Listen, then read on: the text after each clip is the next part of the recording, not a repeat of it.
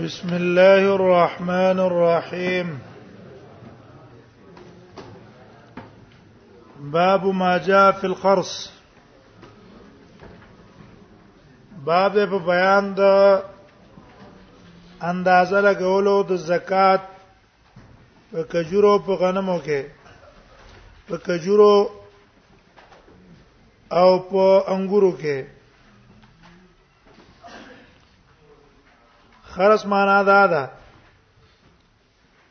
لکه په خپل مصنف رحم الله دا غي تفسیر کوي کله باغونه په خواري ته ورسیږي نو حاکم برا اولګيږي او عادل انسان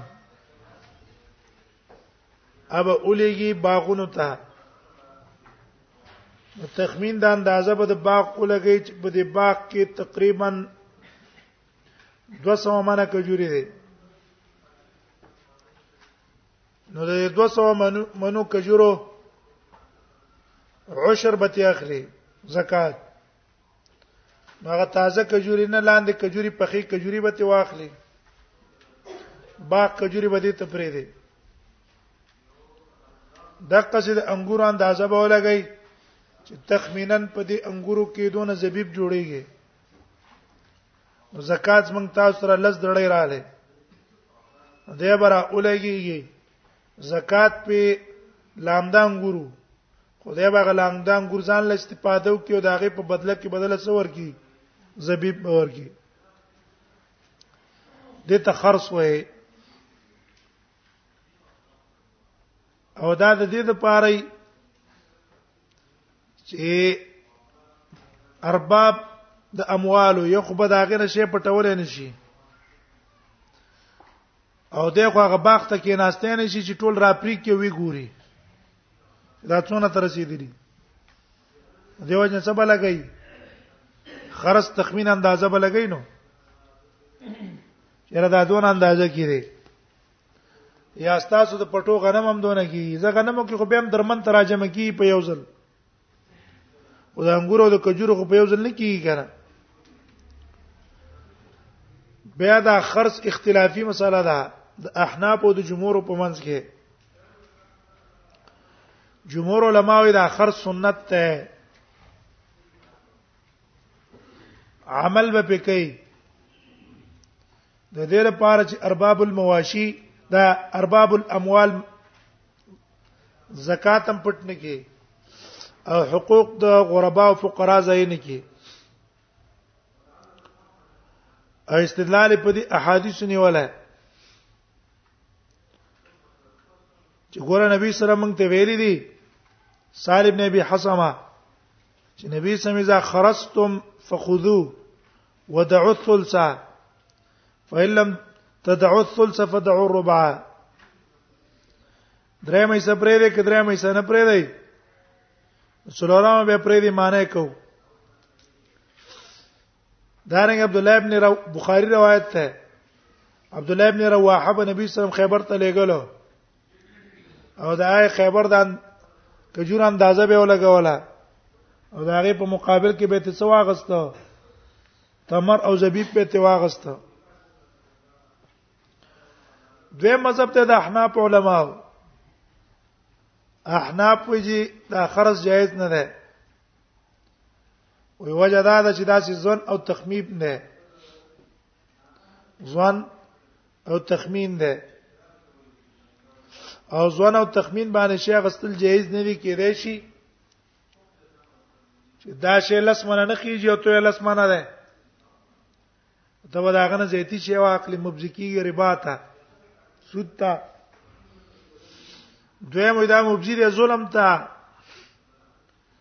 وجدادا وې ته چې دې اندازه اولګې چې دا لس منه په دې کې زکات جوړيږي کې دې چې دې نه رستو په دې باغ باندې آفت راشي او هغه آفت د وجنه میوه ورنګي نو مال به برباد شي او زکات هم تلاړ شي نو دیو جن وای خرصه دا شریعه کوم نه ده بلکې زکات به ته الا اخلي کله هغه انګور راوش کول او څونه تور سه د به به له سم واخلي دغه څه کجوري چې کله راوش کوله او اندازې اولګه د به به له سم واخلي لیکن د احناف قول کمزور دی اعلام الموقعين کې ابن قیم پر رد کړه وي د قیاس د وجه نه صحیح احادیث پر قستو بل مثال دا ده چې احناف صحیح حدیثونه د خرج پرې غوي او په دې پسې تیری دی چې یاره ځوان ځوان ده او دې د سونو د خرص نه جواب کړه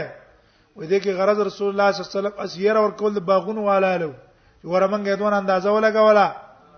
ازنه چې تاسو څه شي پټ نه کړئ څنګه کوي پټ نه کوي او کنه وي دا مساوي د ربا سره نو دا جمهور ته جواب کوي چې نه ربا خو نه دا خو اندازر تخمین لګی او ته چې وی چې مال برباد شي چې مال برباد شو غو اتفاق دی په دې کله خرڅ نه رسټو په مال اپت راغې څه په نشتا زړی زکات نشته دا خو اتفاقی مسله ده ستا خبره به اله وي چې موږ ته څه کوله سم دوارم ته زکات تغستله او اپت پراغله یو د اپت یو سمانه لنه دیو جن قول د جمهور راجح ده چې دا خرص جائز ده دیو جن مصنف وی باب ما جاء فی الخرص باب د بیان د اندازې او د تخمین لګولو کې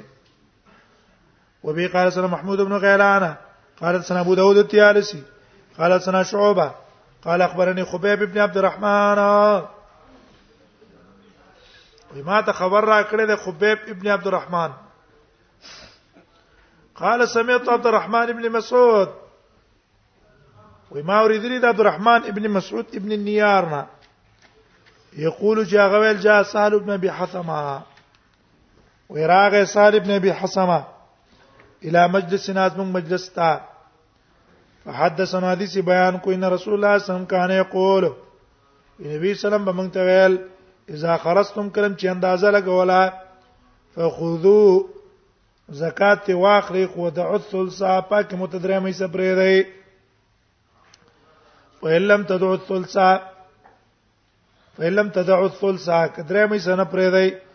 بیا خو څلورم او ته پرې دی سمانا معنی دا دا ګوره ز عامل ما چې ستاسو د باغ اندازه ولګوله ما ته پته ولګی چې په دې باغ کې سلمنا کجوري دي په دې سلمنا کې زمنګ حق عشر ده کنه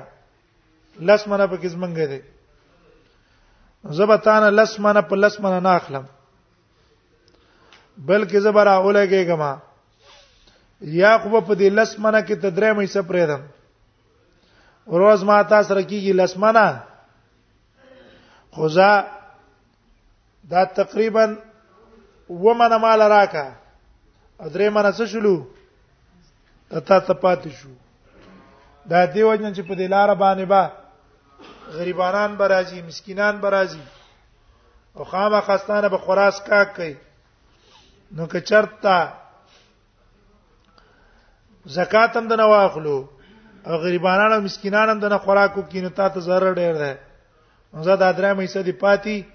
د دې لپاره چې غریبانان مسکینان ته څه کوي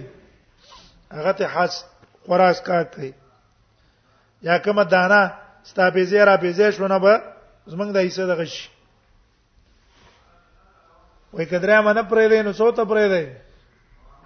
په دې زکات کې کم از کم څلورمه خو پرې دی لس منه کې دونی منه څلورم دی کنه دونی مو ته پرې دی دې معنا شو وفي الباب عن عائشه دې باب کې د عائشه د عتاب ابن اسید او د ابن عباس هم روایت ده قال ابو اسحاق ولا مر على حديث سالم بن ابي حثمه ويعمل په حديث د سالم بن ابي حثمه عند اکثر علم په نس د اکثر علماو په الخرص پټکل کې اکثر علما په دې عمل کوي جمهور دا نه په حدیث سالم نه به حسما یقول ساق احمد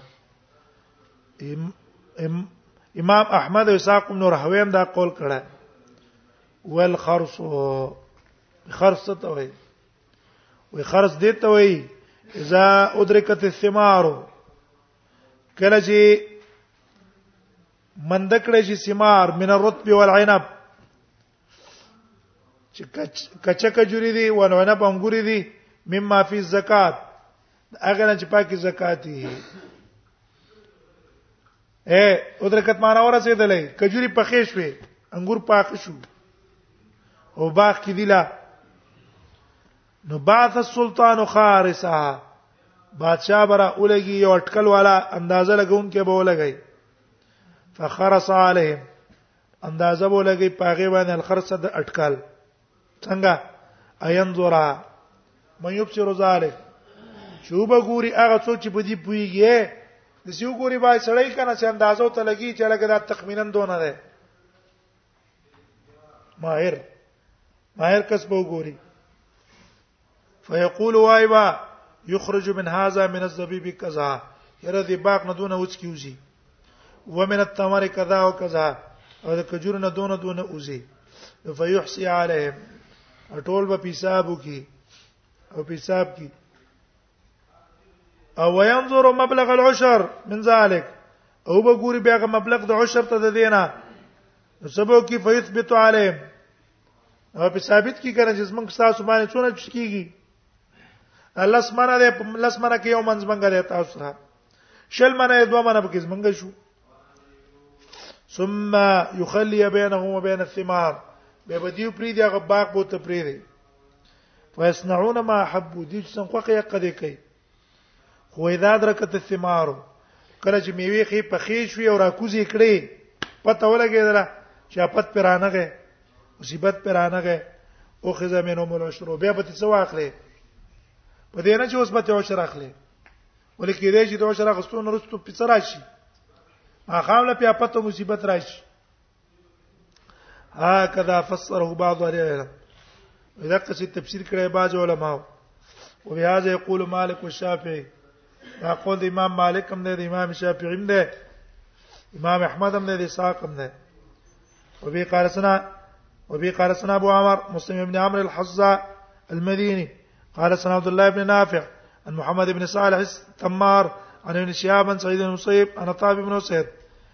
ان نبی سم کانه بتو علی الناس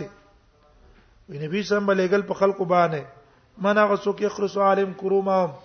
چې اٹکل ولګي په ایمان انګورو داغي او ثمارهم داغي د میوه وبهذا الاسناد النبي سم قال في زکات الكروم نبی په دې سند باندې دا خبره ده چې نبی صلی الله علیه وسلم فرمایلی دی زکات الکرم په زکات د انګورو کې انها تخرس كما يخرس النخل دیوم اٹکل لګول کیږي اگر کجوري څنګه اٹکل لګول کیږي ثم توتا زکات زبیبا په ورکی داغه زکات زبیبا کما توتا نخل تمارا اگر کجور پخې کجوري ورکه کنه قال ابو سعد حدیث حسن غریب وقد روى ابن جريج هذا الحديث ابن جريج دا حدیث نقل کړی دی ابن شهاب نه نور وانا عائشه وسالت محمد انا هذا ما دا محمد اسماعیل بخاری نه دی بارک ته پوښتنه وکړه ویل حدیث ابن جريج غیر محفوظ محفوظ نه ده وحديث سعيد بن المسيب عن طاب ابن سيد اصح هذا سيده